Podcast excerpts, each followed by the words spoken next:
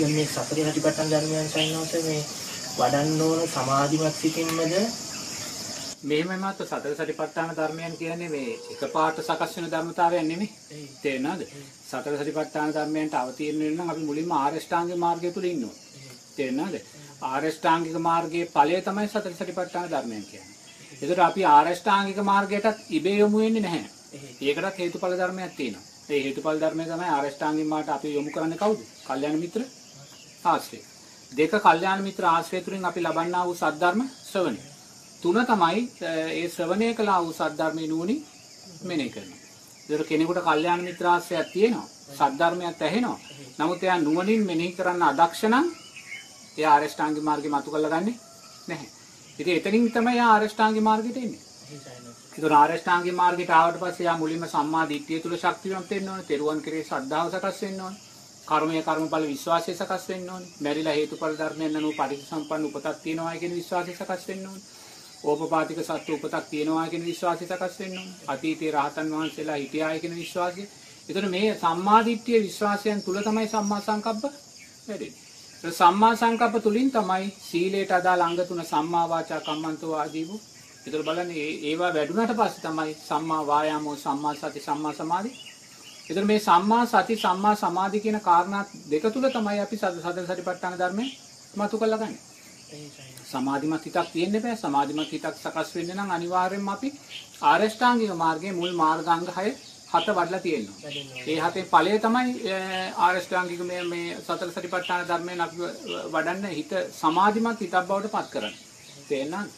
නිසා හැම වෙලාවෙම බුදුරජාණන් වහන්සේ දේශනා කරන නිරේතුරුවම දන් දෙමින් ඒ දානේ ආනිසංසයන් පිළිබඳ මෙනෙහි කරමින් ජීවත් වෙන්න කියලා. දුන්නා වූ දානයන් පිළිබඳ මෙනෙහි කරමින් ජීවත් වෙන්න කියලා. ඒතකොට Taman නිරේතුරුවම දුන්නා වූ දානයන් ගැන මෙනෙහි කරගෙන ජීවත් වෙනකොට ඒ දානයන් කෙරේ හිත ඍජුව පවතිනවා කියනවා. තේරෙනවා දුන්නා වූ දානයන් කෙරේ ඇතිවෙනා වූ හිත ඍජුව ඒ දානය කෙරේ පවතිනවා කියනවා. ඒ ඍජුව පවතිනා වූ හිත සමාධිමත් හිතක් බවට පත් වෙනවා කියනවා. ආයිමත් බුදුරජාණන් වහන්සේ කියනවා සීලය තුල ශක්තිමත් වෙමින් ඒ ශක්තිමත් වුණු සීල සීලය පිළිබඳ මෙනෙහි කරමින් ජීවත් වෙන්න කියලා. එතකොට සීලය කෙරෙහි හිත ඍජුව පවතිනවා කියනවා. ඒ ඍජුව පවතින හිත නිශ්චල වෙලා සමාධිමත් හිතක් බවට පත් වෙනවා කියනවා. තේරෙනවද? ඒ වගේ මෛත්‍රිය වඩමින් ඒ හැම දෙයක්ම ධර්මතාවයන් වඩමින් ඒවා කෙරෙහි හිත යොමු කරමින් ඉදිද්දි හිත නිශ්චල වෙනවා. ඒ නිශ්චල වූ හිත කියන්නේ සංහිඳීමක් වෙනවා හිත තුල. ඒ තුලින් තමයි සමාධිමත් හිත සකස් වෙන්නේ. සමාධිමත් හිතෙන් තමයි කාය චිත්ත ධම්ම වේදනා කියන මේ සතර සතිපට්ඨානගේ අනිත්‍යභාවය දකින්නේ.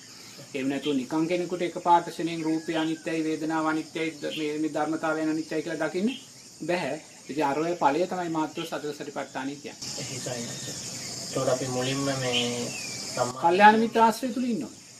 කල්යාණ මිත්‍ර ආශ්‍රය. කල්යාණ මිත්‍ර ආශ්‍රය කියන්නේ මොකද බුදුරජාණන් වහන්සේ දේශනා කළා වූ සූත්‍රගත ධර්මය කියන කෙනාට තමයි කල්යාණ මිත්‍රයා කියලා කියන්නේ. එතකොට සමිනාස අපි මේ පල්ලෙහාම ආරෂ්ඨාංග මාර්ගේ පල්ලෙහා මාර්ග අංග ටික වැඩෙන්නේ නැතුව භාවනා කරා කියලා තේරුමක් නැහැ නේද? මෙහෙමයි පල්ලෙහා මාර්ගාංග වැඩෙන්න මුල් මාර්ගාංග වැඩෙන්න. තේරෙනවද?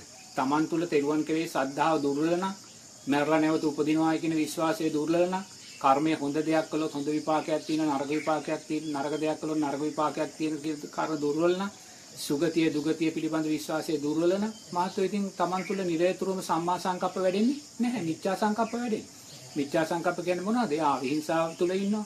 ව්‍යාපාදයේ තුල ඉන්නවා. නෙක්ඛම්මේ තුල නෑ එයා. ලෝභ දේශ මොහයන් තුල ඉන්නේ. ඒතර ඒ නිසාම එයා සීලෙන් දුර්වලයි. ඉතින් ඒ නිසා ආයිමත් පල්ලෙහා ගැන කතා කරලා වැඩක් නැහැ. තේරෙනවද?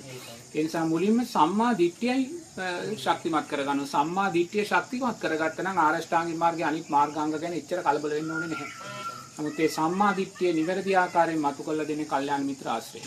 එතනින් වැඩුණු කෙනා ඉබේටම මාර්ගය තුළ ඒ මාර්ගය තුල ඉස්සරහට යනවා. එහේ ආරෂ්ඨාංගික මාර්ගේ වැඩිලානේ. දැන් එයා සංසාර බය දකින්නවනේ. ආරෂ්ඨාංගික මාර්ගේ වැඩෙනවා කියන්නේ නිකන් දෙයක් නෙමෙයි. එයා සංසාර බය දකින්නවා.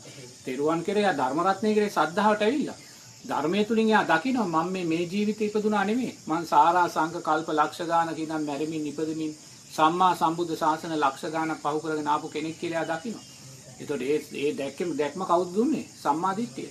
ඒතර ඒ දැක්ම සකස් වුණාට පස්සේ අනිවාර්යයෙන් මෙයා තුළ වැඩෙන සතර සතිපට්ඨාන. මොකද එයා රූපයට ඇලෙන්නේ එයා දන්නවා මේ රූපය මං මේ වගේ දරාගත්ත රූප එක ගොඩක් කළොත් ගිජ්ජකුට පරොතේට ලොකුයි කියලා. ඒ නිසා එයා රූපයට ඇලෙන්නේ නැහැ. එයා දකිනවා සංසාරේ මං සක්විති රජ වෙලා තිනවා සක්‍රියා වෙලා තිනවා ඒ නිසා මම මේ විඳින සැපේට එයා එලෙන්නේ නැහැ. ඒ වගේම දුකට ගැටෙන්නෙත් නෑ. එයා දකිනවා මං කල්ප ගණන් සතර පායන්ට වැටලා දුක් විඳලා තිනවා කියලා මේ ජීවිතේට දැනෙන්නා වූ දුකට එයා ගැටෙන්නේ නැහැ. එතකොට ඉබේම සතර සතිපට්ඨාන ධර්ම වැඩෙනවා. ඉතින් අපි තුල තාම සතර සතිපට්ඨාන ධර්මයන් වැඩෙන්නේ නැත්තේ සම්මාදිට්ඨිය දුර්වලයි.